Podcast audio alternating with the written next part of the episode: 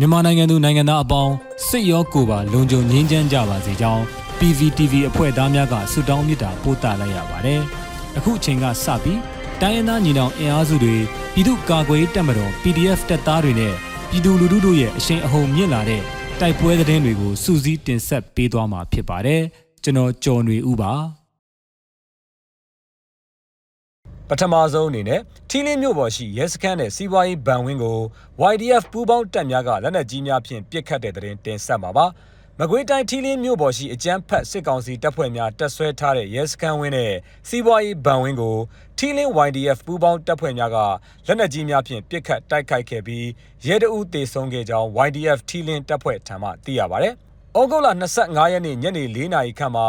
တောင်ရဲစခန်းဝင်းကိုပြစ်ခတ်တိုက်ခိုက်ခဲ့ပြီးလူပြိုဆောင်ရှိတွင်လက်နက်ကြီးတစ်လုံးကြားရောက်ပောက်ကွဲခဲ့က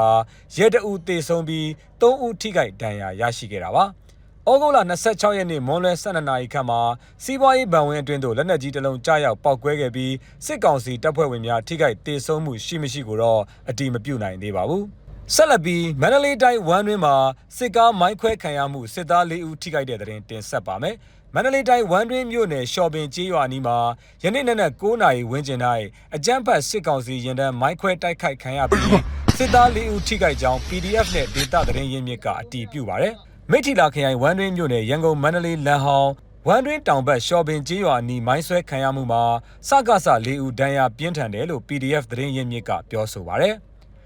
နောက်ဆုံးအနေနဲ့ရန်ကုန်ကုန်းညံကုန်းမြို့နယ်တွင်စစ်ကောင်စီရင်နှံမိုင်းဆွဲတိုက်ခိုက်ခံရပြီးထိခိုက်ဒဏ်ရာရမှုများပြားတဲ့တဲ့တင်ဆက်ပါမယ်။ရန်ကုန်တောင်ပိုင်းခရိုင်ကုန်းညံကုန်းမြို့နယ်တော်ကူးရဲစခန်းနီးလက်ခုပ်ကုန်းကျေးရွာအုံးပင်စိုက်ပွဲသို့လာတဲ့အကြမ်းဖက်စစ်ကောင်စီရင်နှံကိုဩဂုတ်လ28ရက်နေ့နနက်8:30မိနစ်ခန့်တွင်အထူးစစ်စင်ရေးတပ်ဖွဲ့ SOF မှမိုင်းဆွဲတိုက်ခိုက်ခဲ့ပြီးထိခိုက်ဒဏ်ရာရမှုများပြားကြောင်း SOF တပ်ဖွဲ့ထံမှသိရပါဗျ။ မိုင်းဆွဲတိုက်ခိုက်ခံရတဲ့ရင်နှန်းတွင်စစ်ကောင်စီလက်အောက်ခံမြို့နယ်ကောင်စီဝင်များနဲ့အုပ်ချုပ်ရေးမှူးများစစ်သားနဲ့ရဲများလိုက်ပါလာပြီးရင်နှန်းကိုရှစ်ထွက်မိုင်းနှလုံးဖြင့်ဖောက်ခွဲတိုက်ခိုက်ခဲ့ကာထိခိုက်ဒဏ်ရာရရှိမှုများပြားပြီးရင်များပါထိခိုက်ပျက်စီးခဲ့ကြောင်းသိရပါတယ်ခင်ဗျာ။